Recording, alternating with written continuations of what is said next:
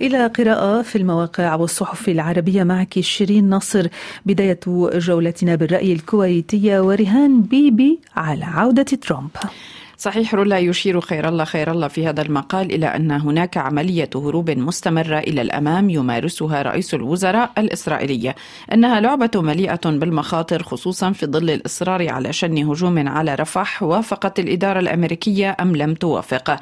يستفيد بيبي في واقع الحال من تغيير في العمق طرأ على الرأي العام الإسرائيلي الذي يريد الانتقام من حماس بأي ثمن كان من دون التفكير في انعكاس ذلك على العلاقة بواشنطن. ثم رهان لدى بنيامين نتنياهو على أن الوقت يعمل لمصلحته وعلى أن حليفه دونالد ترامب عائد إلى البيت الأبيض على حصان أبيض. لكن هل حساباته في محلها تسأل الرأي الكويتية توجد ثغرة أساسية في هذه الحسابات اسمها الرأي العام الإسرائيلي. الرأي العام هذا مع القضاء على حماس لكنه لن يغفر لنتنياهو رهانه في الماضي على حماس حسب ما يقوله الكاتب وعلى تمرير المساعدات لها نكاية بالسلطة. السلطة الفلسطينية. عاد ترامب أم لم يعد سيصعب على الإسرائيليين إعادة تأهيل بيبي الذي يتحمل المسؤولية الأكبر عن جعل مستقبل إسرائيل على كف عفريت في صحيفة الشرق الأوسط مقال حمل عنوان حل الدولتين. هذا ما نقرأه لعبد الله فيصل الربح أنه مع انطلاق الحرب في السابع من أكتوبر اتضح للعالم أن إسرائيل تقوم بحرب شاملة على الشعب الفلسطيني يتجاوز مسألة مواجهة حماس وبقية الفصائل المسلحة. بالمقابل فإن كثيرا من وسائل الإعلام العالمية ومحلليها يطرحون فكرة الاتفاق السعودي الإسرائيلي رغم كل الدمار الحاصل.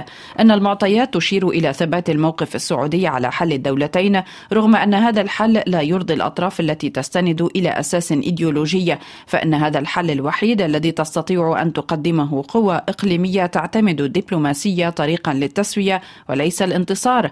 أما بالنسبة للانتصار فإنه يحتاج إلى مواجهة حربية ينهي فيها أحد الطرفين الآخر وهذا ما لم يحصل منذ قيام إسرائيل عام 48 ليست هذه دعوة للقبول بالأمر الواقع وفق الشرق الأوسط إنما الموقف السعودي يرمي بالقرى. في ملعب الإسرائيليين الذين يجب عليهم التفاهم مع رعيهم الولايات المتحدة. فإسرائيل ترعاها الولايات المتحدة التي تستطيع إجبارها على القبول بحل الدولتين إن ضغطت بما فيه الكفاية. في الأخبار اللبنانية السعودية لا رئيس من دون رضا المسيحيين. هذا بحسب معلومات هيام الصيفي فإن موقف السعودية الواضح لا يزال على حاله بعدم التفريط بالانتخابات الرئاسية في لبنان وفي أي تسوية وبأي ثمن علما أنه أضيفت إليه خلاصة معبرة وهي أن لا رئيس للجمهورية من دون رضا القوى المسيحية. هذا الموقف عنا سابقا ولا يزال يعني اليوم رغم كل الأحداث المحيطة بلبنان بعد حرب غزة أنه لا يمكن الذهاب إلى توافق على اسم يتحدى القوى المسيحية أو لا تباركه هذه القوى وتعمل على إنجاح رئاسته.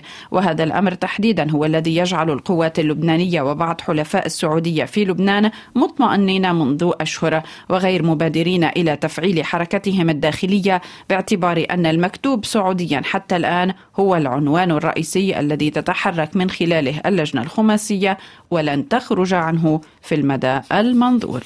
الحريري يهدي حزب الله موضوعا يستفيد منه في التشويش على أزمته. نقرأ هذا العنوان في العربي اللندنية. يتساءل اللبنانيون عما إذا كان سعد الحريري من خلال هذا الظهور والاهتمام الإعلامي والشعبي ينوي القطع مع قرار الاعتكاف وتجميد نشاطه السياسي أم أن الأمر لا يعدو كونه عودة مؤقتة مرتبطة بإحياء ذكرى اغتيال والده رئيس الوزراء الأسبق رفيق الحريري. وبحسب العرب اللندنية يمكن أن تساهم عودة الحريري في تخفيف الانتقادات التي تطال الحزب في إشارة إلى حزب الله على مواقع التواصل الاجتماعي بصفة خاصة لكن من المستبعد أن تتخذ هذه العودة أبعادا أكبر من ذلك.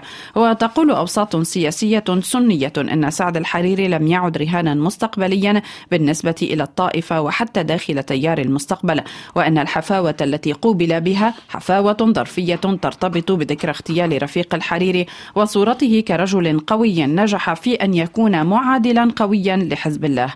وتوقعت هذه الأوساط أن ينسحب الحريري مجددا من المشهد بعد إحياء ذكرى والده مستبعدة أن يعلن في كلمته المقررة اليوم العودة إلى الساحة السياسية. شيرين ناصر شكرا لك.